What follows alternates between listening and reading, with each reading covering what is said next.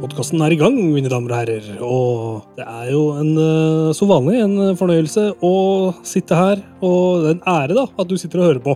Og i dag har vi en eh, meny som eh, består av litt gamle ting og litt splitter, splitter nye ting.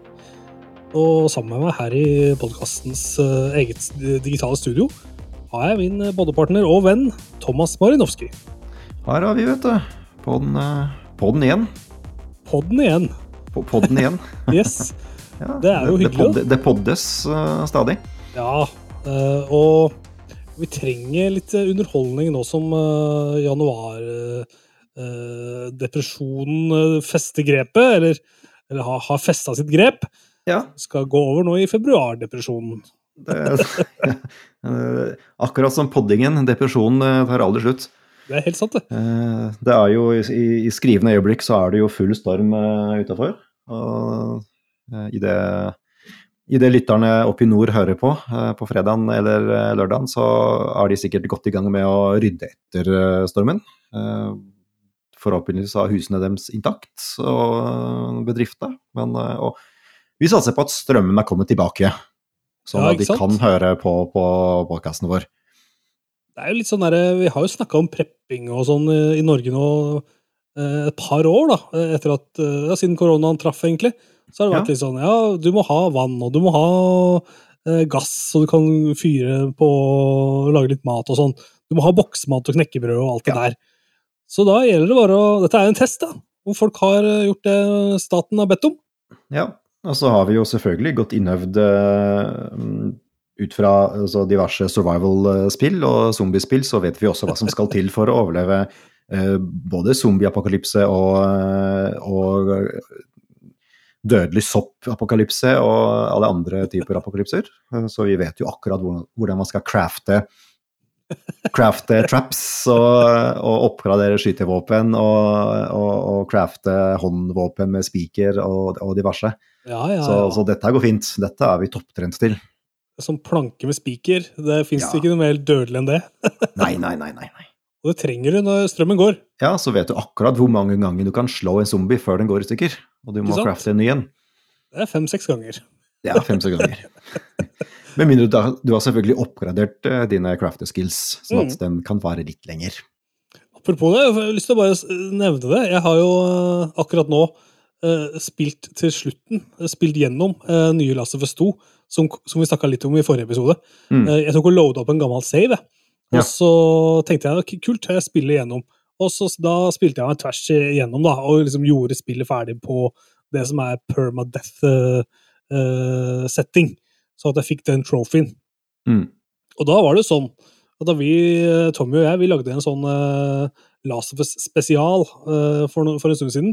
Og da sa jeg det at uh, på slutten så tok Ellie ja, Spoiler alert hvis ikke du har runda Last of Us 2. Hvis, du har gjort, hvis ikke jeg har gjort det, så hopp et halvt minutt fram i tid. Uh, ja, der på slutten så slipper jo Ellie fri en bunch med sånne fanger mm. i den der uh, California, på den mm. California-plassen. Mm. Og da huska jeg det som at det var en sånn gjeng hvor, som hun liksom frigjorde, og de bare løp, og det var, og det var liksom den hyggelige tingen hun gjorde, da, og satt de fri.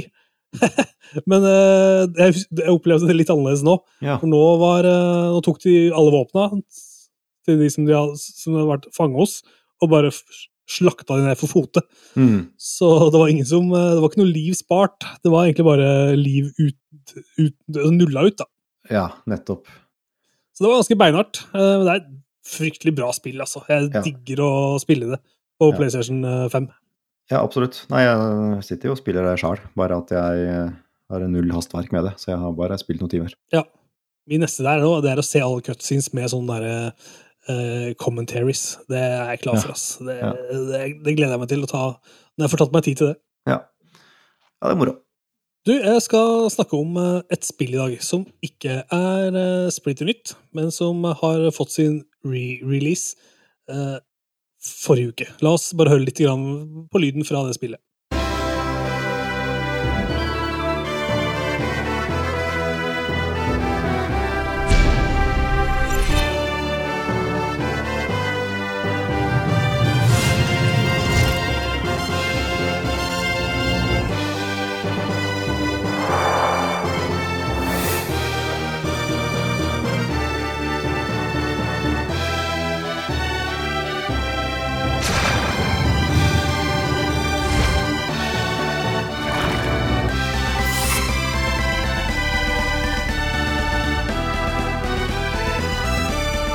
Ja, det var eh, Golden Sun som er ute nå på Nintendo Switch Online Expansion Pack. Som er en abonnementstjeneste som Nintendo har på Switchen.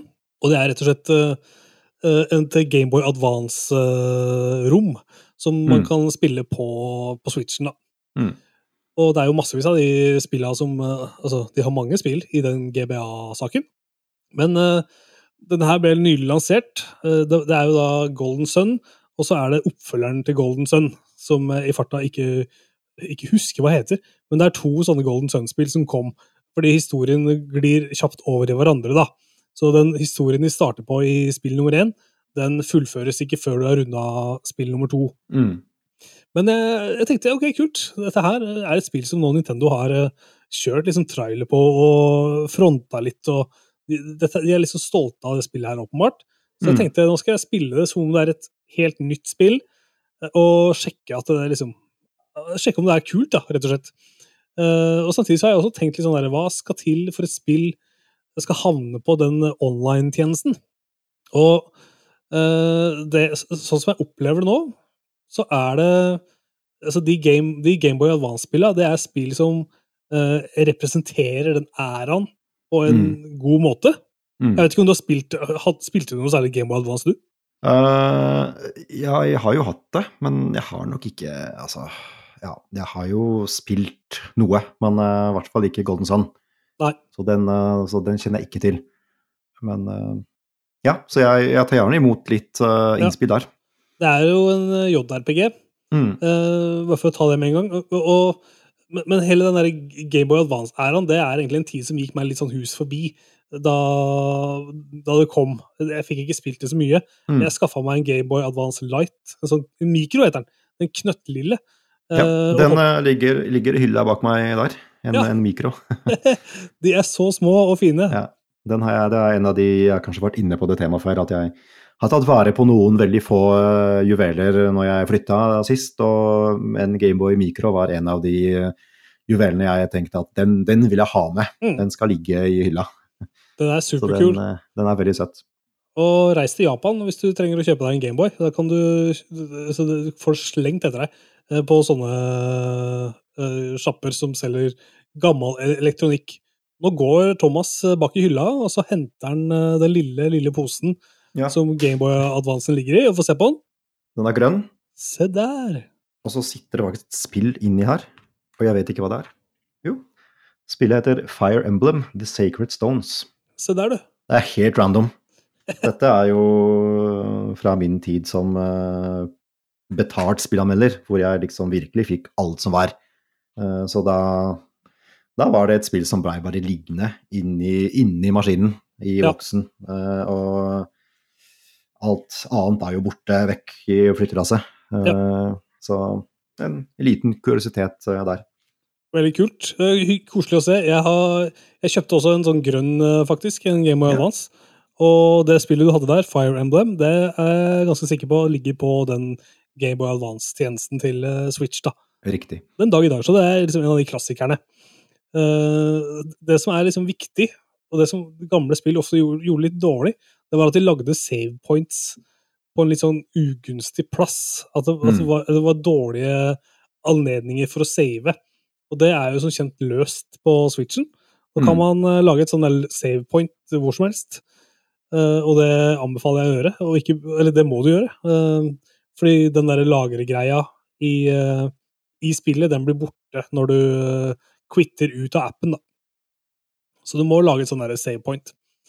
Yes. Og dette Golden Sun-spillet, det er egentlig en ganske sånn koselig, fin affære. Et JRPG, som jeg var inne på, eh, hvor du løper rundt i sånn middelalderaktige omgivelser og snakker med trollmenn og monstre og figurer og og i det hele tatt så har det en veldig sånn vintage, sånn retrografikk, med det jeg liker å kalle en sånn sørpete piksler. Mm. At det liksom sklir litt sånn grøtete over i hverandre. Som jeg syns er litt sånn kul, eh, sjarmerende stil, egentlig. Så visuelt sett så syns jeg det spillet har holdt seg rett og slett eh, ganske bra. Og det har en eh, del ålreit dialoger og bra historie. Jeg synes, eh, nå, nå har jeg bare liksom plukka det opp for å se om dette her er verdt å bruke tid på, og det Mm. syns jeg absolutt.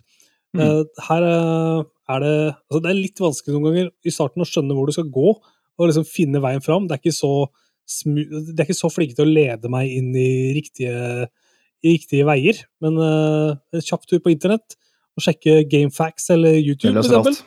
Det løser biffen, rett og slett. Så jeg gjorde det, og det er rett og slett en ganske avslappende, fin uh, uh, vintage Mm. retroaffære. Med Mm. liksom alt det som er av jank og sånn fra den gamle tida, da. Men det flyter overraskende smooth, og det har ganske Det har ganske mye for seg. Det er en sånn monster collection-greie her. Litt à la Pokémon. At du kan samle på monstre som du kan unleashe på de du slåss mot. da. Og litt sånne klasser og sånn. Uh, så det fungerer uh, Det har en del sånne mekanikker som du, man har blitt vant til, og som uh, fungerer bra. Litt sånn, Det er litt barnslig musikk, kanskje, og litt barnslig liksom følelse i hele historien.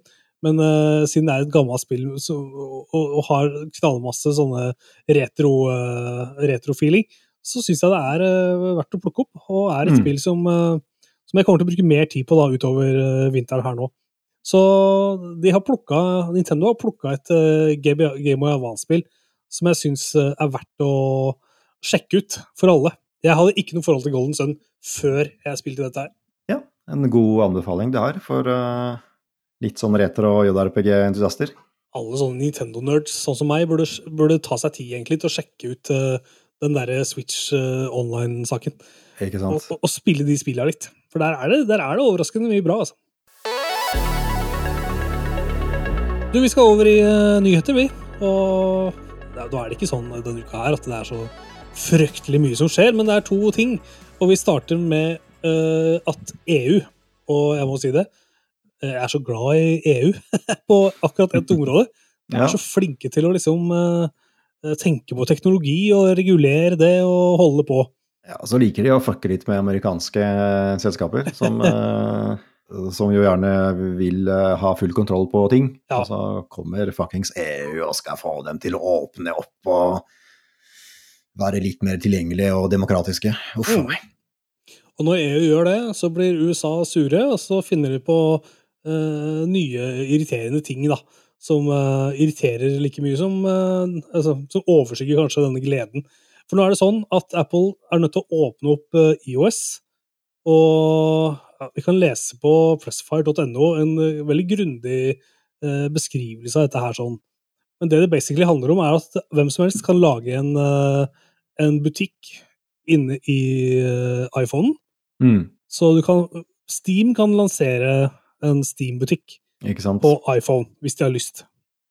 Og Microsoft kan gjøre det. Og Epic Games har jo sagt at de skal lansere en Epic Games Store på iPhone. En launcher, rett og slett. Ja, Som er deres egen, som, ikke, som, går, som går utenom eh, Apples eh, vanlige AppStore. Er det det som er eh, tanken, da?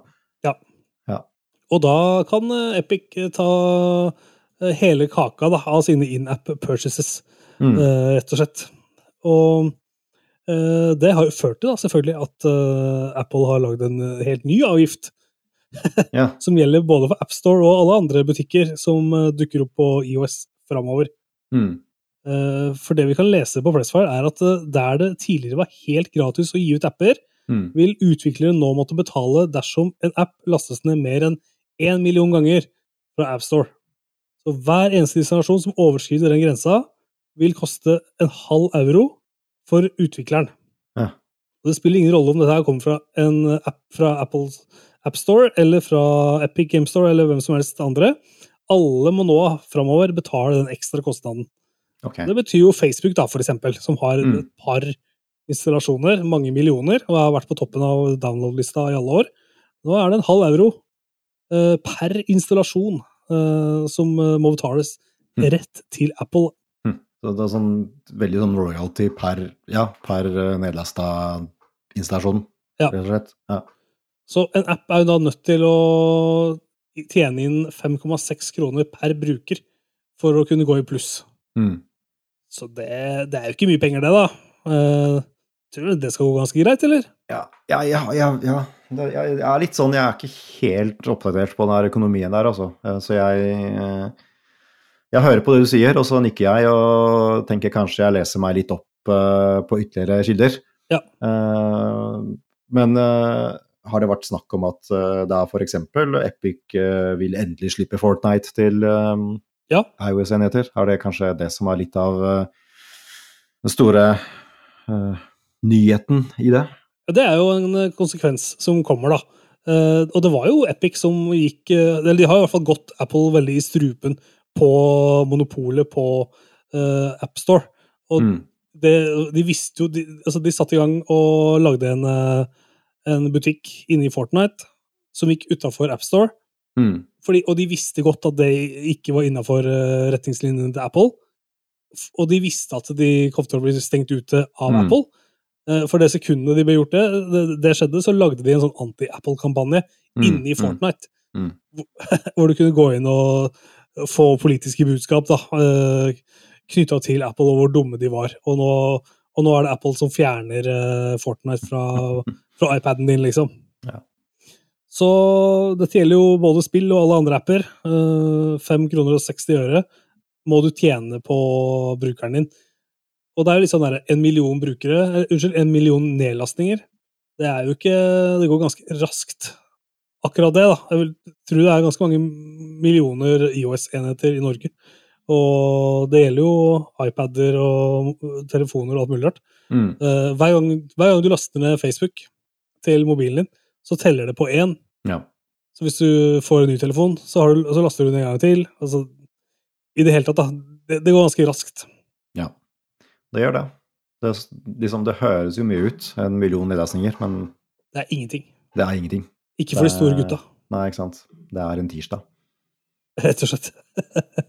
Nei, så vi får se hva som skjer. Det er vel eh, Det blir jo stadig Disse tingene her er jo i konstant utvikling, og eh, det er en dynamikk der, da. Eh, eh, Nå er jo Epic ute og syns at dette er veldig, en veldig dårlig endring. Eh, Og så kommer de til å holde på sånn og krangle og kjefte på hverandre. I kveld Vi spiller jo dette her på onsdag 31. januar. Og da er det duket for en PlayStation State of Play Mm. klokka 11 i kveld. Ja, så innen eh, dette, denne podkasten her er eh, publisert, så, så har den jo vært. Eh, Så alt vi sier om det, er trolig løgn og tull. Ja, I hvert fall spekulering. da. Knallhard spekulering. Ja. Men vi, vi vil jo spekulere litt, vil vi ikke det, da? Må jo det. Det er jo egentlig ganske sånn halvkjent hva som kommer til å bli vist eh, der. Eh, Det er jo stort sett fokus på kjente spill, altså allerede annonserte uh, titler. uh, Som skal komme i løpet av kanskje dette året, kanskje litt senere. Men, eh, men Sony har bekrefta at de kommer til å vise mer av Rise of the Ronin, som det heter. Mm Stellar Blade, og så har det jo vært snakk om å vise mer av eh, Judas, som eh, jeg syntes så veldig kult ut sist jeg så det. eh, som er nye spillet fra Bioshock-skaperen. Ja, spennende, altså. Mm. Men jeg vet ikke helt Jeg skjønner ikke helt hva det er. Veit vi noe Det ser jo spennende ut, men Ja. skjønner vi hva slags spill det er, eller?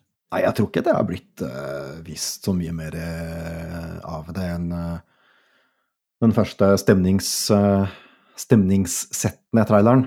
Ja. Men eh, jeg, liksom, jeg, vil jo gjette meg fram til at det sikkert er et eh, litt sånn eh, immersive eh, sim-type ting. Ja. Litt sånn som Bioshock-spillene har vært. Ikke sant, det er mer av det samme greia der. Det, det, jeg har ikke spilt uh, Bioshock så veldig mye, men, uh, så, så jeg kjenner ikke helt til den sjangeren. Nei, men, ok. eh, Nei, men det Altså Hvis han eh, skaperen følger litt i samme, samme tråd, så, så har det jo egentlig bare å se for seg en eller annen eh, litt pussig verden med, med litt uh, unik visuell stil og Mm. ja, og, og sikkert en, sånn artig gameplay med litt skyting og litt powers og litt uh, puzzles. Ispedd en god dose med mystikk, da, så, som jeg føler er liksom litt, litt hans greie. At du ikke ser hele bildet før det har gått eh, 20 timer, kanskje. Før du skjønner hva det her egentlig handler om. Og det er kult. Jeg synes det ser, det ser veldig spennende ut. Jeg er spent på Judas og hva mer som kommer der.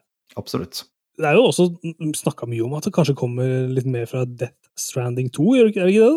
Jo, det har også vært uh, rykter om det. Uh, så det, det, blir spennende å se hvordan det ser ut, og når det kommer. Andre ting vi er interessert i? Det har jo gått rykter om flere ting eh, som, skulle, som, skal forhåpentligvis vises på, på denne sendingen. man forventer jo å se mer av Sayon Hill. man forventer å se mer av Final Fantasy 7 Rebirth. det har til og med vært noen rykter om en remaster av Until Dawn. Det det gamle, gamle eventyrspillet. Eh, så det er mm, absolutt eh, nok av content. Det skal jo være over 15 spill som, eh, som vises frem.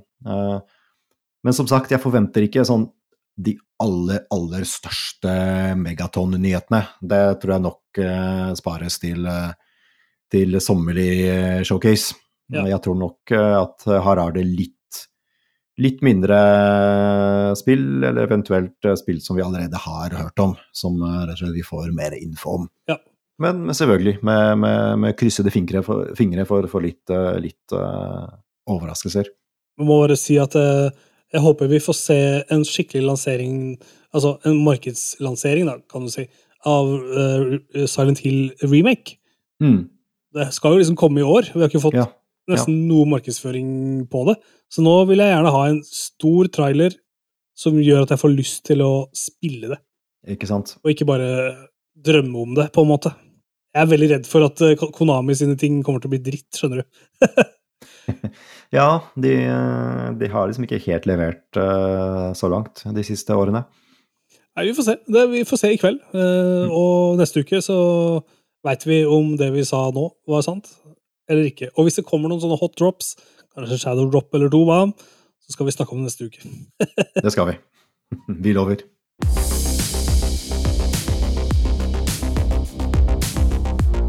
Ja, hei du, det er Tim her som ringer fra Reboot podkast.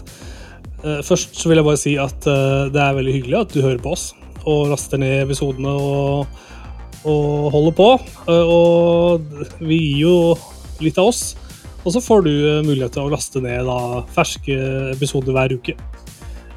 Vi ønsker oss litt hjelp, og det er bare det at hvis du går inn på Spotify og rater oss der med sånn stjernerating på mobilen, så er det veldig nyttig for oss. Eller så kan du gå inn på Apple Podcasts og legge igjen en anmeldelse der, eller bare en stjernerating der òg. For det hjelper oss. Og så kan du tipse venner og dele link til episoden og sånn. Det er veldig kult gjort, altså. Eh, vi er ganske små og uavhengige og syns det er eh, Ja, det hjelper oss veldig når folk eh, deler og rater. Ja, så det var bare det. Nå går vi videre med ukas episode.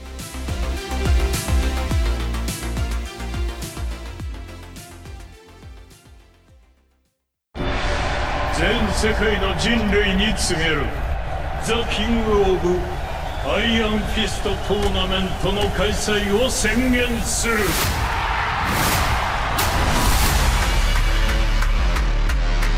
ただし力を示せぬ弱者を国ごと消えてもらうことになる。We must seek Jin Kazama The battle to decide the ranks of the new world begins now! I was born for this. You look like Fade in the mix, I get a load of this. You ain't posing no threat, and now it's obvious. After rocking a goal, I'm not anonymous. The fighters will battle for personal glory and the fate of their countries. I'll give Kazuya a nice smack in the face! これで全てのピースが揃った。託された希望決して無駄にはしない。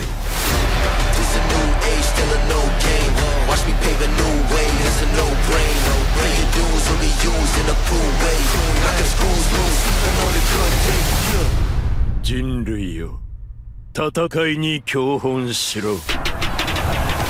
Ja, det var da voldsomt til slåsselyder og knuste kneskåler og brekte neser og knekte armer og bein. Lepper. Sprukne lepper. Og, ja, sprukne lepper. Og avrevne ører. Mm. Tekken er tilbake.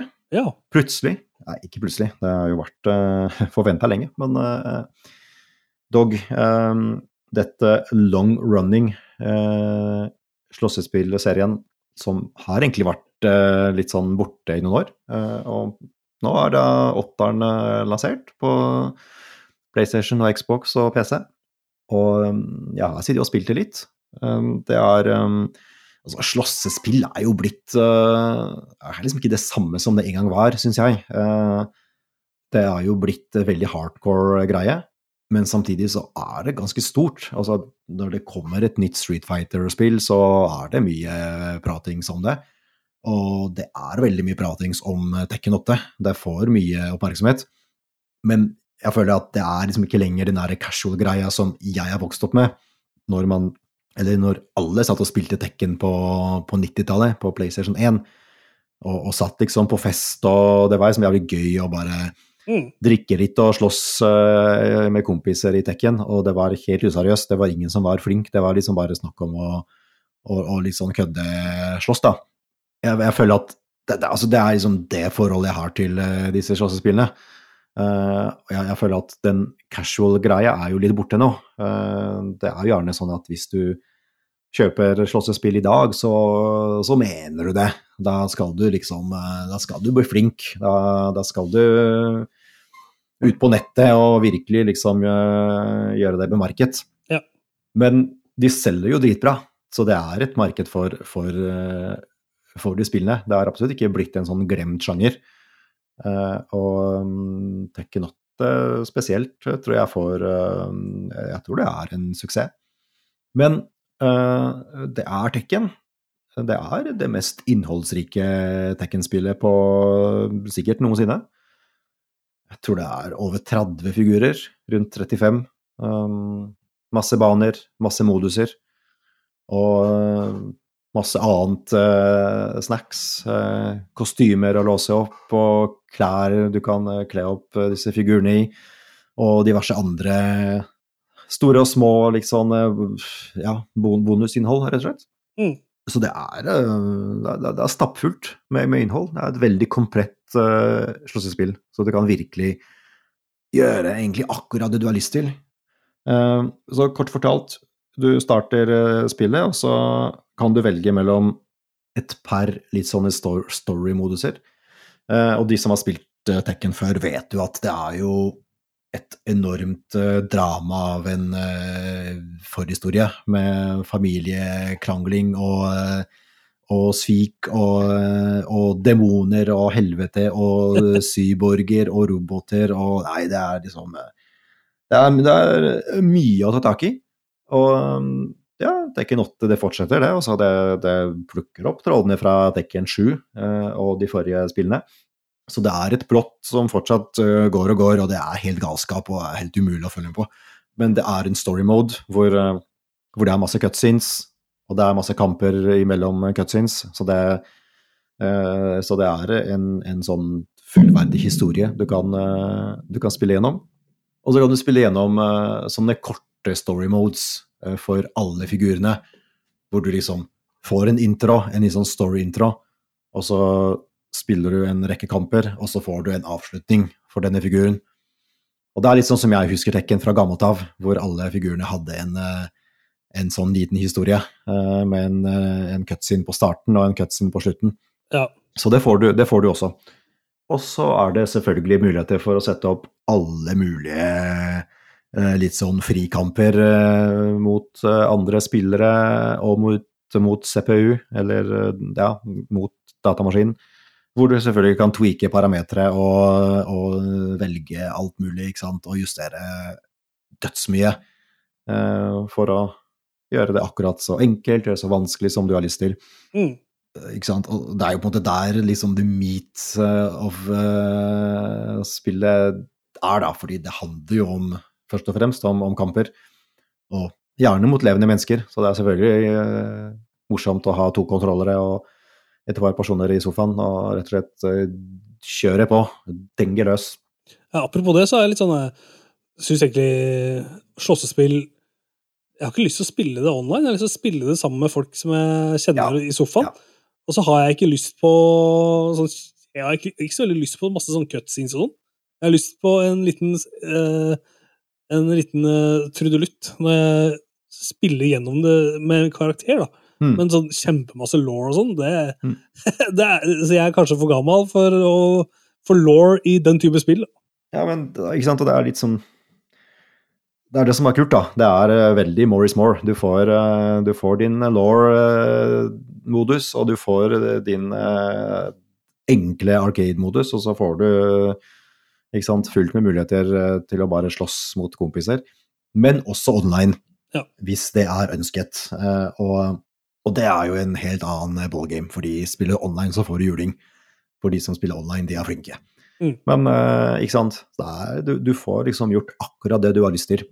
Men det skal sies at eh, til tross for at det er et uh, spill som forventer at du vet hva du går til, at du kan litt, så er det allikevel ganske imøtekommende. Eh, så det er en sånn eh, tutorial mode, da, kan man si, eh, som faktisk heter Jeg tror den heter arcade mode, hvor Ja. du er i en sånn litt sånn arcade, ikke sant, og skal liksom Du er en figur som skal spille Tekken, og gjennom det så får du masse opplæring i, i alle mulige mekanikker. Så du, du kan fordype deg i den modusen først, og faktisk få litt uh, greie på hvordan, uh, hvordan være flinkest mulig. Og så er det liksom, mens du spiller, så kan du også sette på en sånn litt enklere modus, hvor, eh, hvor slett slipper å gjøre de mest komplekse kombinasjoner av knapper Mm. for å gjøre fete angrep. Eh, Så sant, en purist skal jo selvfølgelig kunne alle komboer eh, utenat, men, Ja. men det er en, en, en litt sånn en litt sånn simplified mode, da, hvor, hvor du liksom Hvis du bare button masher litt, da, så får du til en del fete, visuelt fete angrep. Og det er jo det, er jo det som er eh, greia med Tekken, ikke sant. Det er masse figurer, og alle har eh, helt forskjellige movesets og helt forskjellige spesialangrep, og det er en utømmelig kilde til, eh, til eh, forskjellige måter å slåss på. Eh, Så de, de som virkelig digger Tekken, de, det er liksom Det er så mye. Du har eh, massevis av kjente og kjære figurer, og så er det en bunch med helt nye folk. Så det er eh, helt nye ting å lære seg og, og mestre. Ja.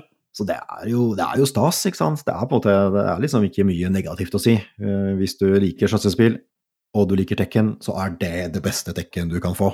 Ja. Og det ser knallbra ut, eh, ikke sant. Kjører i silkemyk eh, 60 FPS eh, som det burde.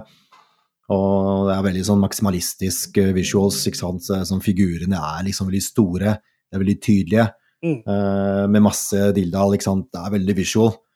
Og ikke sant, fargerike stages. eh, Så alt liksom ser veldig kult og flott ut. Men det er liksom rett og slett det, at hvis du er fan, så har du virkelig alle varianter og alle måter å spille på som du kunne tenke deg. Så det, det er liksom Det er det mest komplette slåssespillet du kan få, kanskje, akkurat nå. Mm. Så det er uh, egentlig bare å løpe og kjøpe. Altså, hvis, du, hvis det er en sjanger du liker, så, så er Tekken 8 egentlig det ultimate spillet uh, per dags dato. Så det er um, ja, kult. Så bra. Uh, jeg skal sjekke det ut, jeg. Hvis det kommer på Når det kommer på tilbud, så skal jeg gjøre en seriøs vurdering. Ikke sant? Jeg liker slåssespill i ny og ne. Ja. Uh, det er lenge siden jeg har spilt et sånn 3D-slåssespill. Det er det. Uh, og- for meg så er Tekken synonymt med Tekken 3. Så Ja. jeg har ikke spilt det på årevis. Nei, ikke sant. Du, Vi nærmer oss slutten av episoden, og vi pleier å anbefale ting vi har sjekka ut i det siste. Uh, I hvert fall hvis det er verdt å anbefale videre, da. Og i dag er det jeg som får lov å starte det haraballet. Og det, for å si det sånn, det er et ganske rolig haraball. Eh, Sett bort fra at eh, hele verden går til helvete, da. Verden går under. Ja, jeg snakker om uh, filmen fra 2011, Melancholia. Uh. Yes. Har du sett Melancholia back in the days? Nei, jeg har ikke det, altså. Men, men navnet ringer en bjelle. Ja. Um, det er noe scary shit, er det ikke det? Litt sånn stemningsgivende. Ja, Ja. det er litt sånn creepy, litt sånn intens stemning. Eh, Det er en film fra 2011, som jeg sa, med Lars von Trier, som Nettopp. er eh, regissør og et manusforfatter, Enehersker. rett og slett.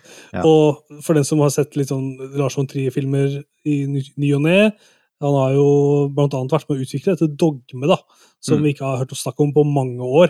Men den Lars von Trier-stilen, den er veldig sånn Den er lett gjenkjennelig i denne filmen her, hvor ting er litt sånn kaotiske, og kameraet kaster litt rundt, og det er litt sånn Ja, det er litt hardt og litt skummelt noen ganger i det visuelle formuttrykket, da.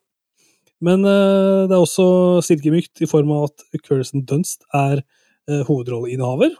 Og så er det også Charlotte Gainsbourg og uh, Keefer Sutherland som spiller eh, eh, far i huset. Og dette her handler jo rett og slett om Altså, det er en science fiction-film. Eh, en trist og intens eh, science fiction-film. Som handler om at det er eh, to søstre som er på et eh, bryllup sammen. Og det er litt sånn intens stemning, for det er ikke, ikke alt går som det skal. Mm. Og det blir ikke noe særlig bedre av at det er en mystisk ny planet som ligger an til å krasje med jordkloden. Og As it does. yes.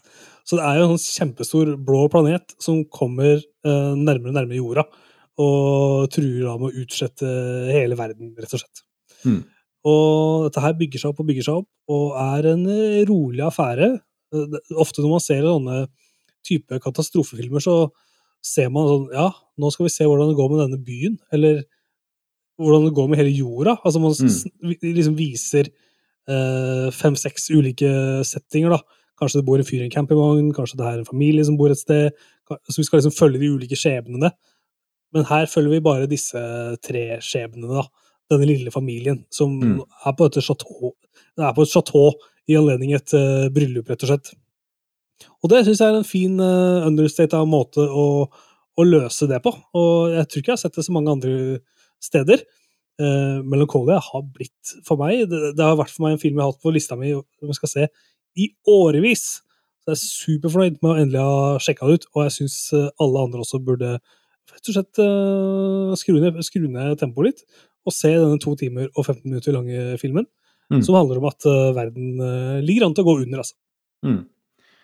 Ja, jeg vil gjerne ha en film med det plottet, en gigantisk planet som skal krasje inn i jorda, men jeg vil ha 2012 uh, Independence Day, uh, jeg vil ha disaster uh, Storbudsjett eh, disaster movie. eh, um, ja. Jeg er fan av det òg, altså. ja, Jeg bare syns det var en litt kul eh, artsy måte å vise det på med. Lars von Trier. Og han gjør science fiction på den måten. Det er litt sånn sprøtt, egentlig. Han er en raring, altså, Lars von Trier. Ja. Og jeg har altså bare holdt på med gamle ting i det siste, og spilt gamle spill og sett uh, gammel film.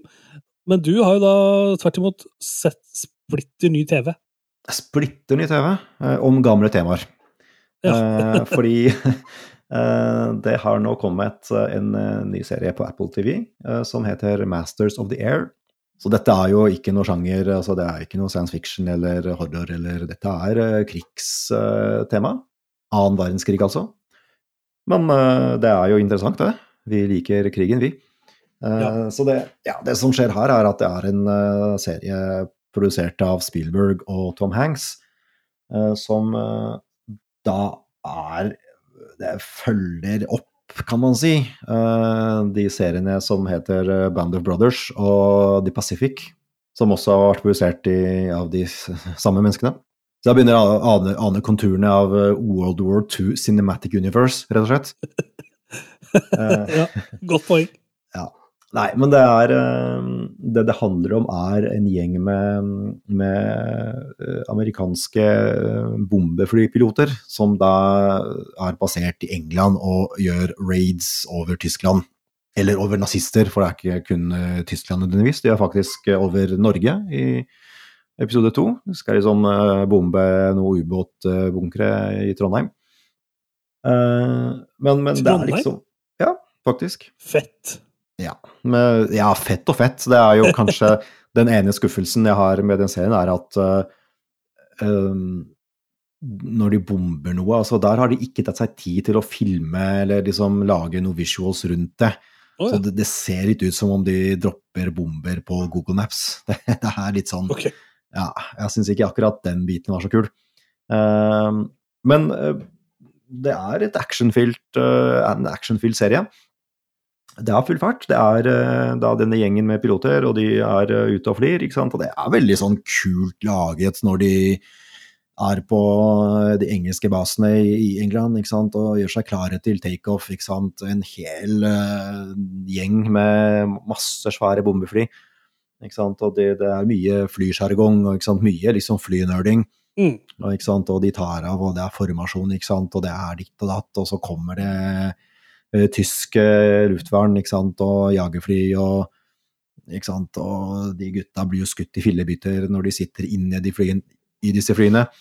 Uh, så det, det, er jævla godt laget. Det er uh, veldig sånn teknisk kult. så det, det, det, er egentlig bare veldig bra, rett og slett. Det er en, en, en, kul bit av, av krigshistorie.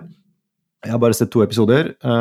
begge de følger egentlig samme mønster, hvor de prepper litt og prater litt, og så har de en raid, og så skjer det litt ting, og så kommer de hjem. Og flere episoder vil da fortsette um, fremover. Og jeg har hørt at de skifter litt tone etter hvert, hvor det blir litt mer drama disse personene imellom. Right. Uh, men, uh, men, enn så lenge så er det nesten litt sånn raid of the week i hver episode. Okay. Riktig. Nei, men det bare ser veldig bra ut. da. Det er bare et sånn kul, kult tema å se på. Ja.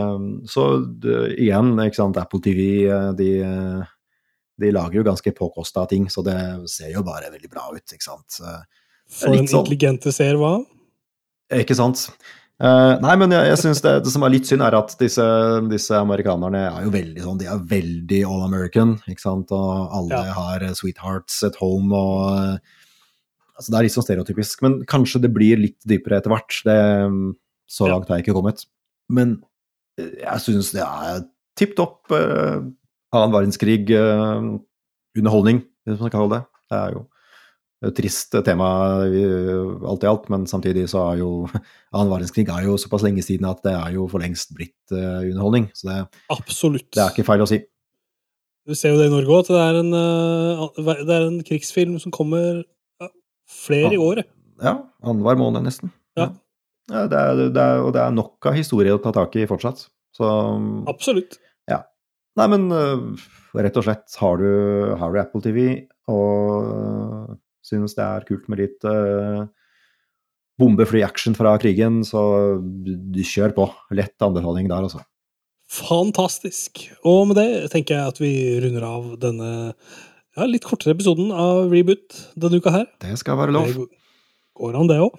Yeah. det har vært en fornøyelse å få lov til å prate om ting jeg elsker å holde på med i dag. Og jeg gleder meg til å gjøre det igjen neste uke. det kommer en ny episode hver uke. Det gjør det. Så med det så tror jeg vi bare rett og slett eh, runder av. Ja. Så får eh, ønsker jeg alle som hører på, en god dag videre. Vi takker høflig for oss. og ønsker samtlige en fortreffelig helg. Eller hvilken en dag du vedkommende velger å høre på podkasten på.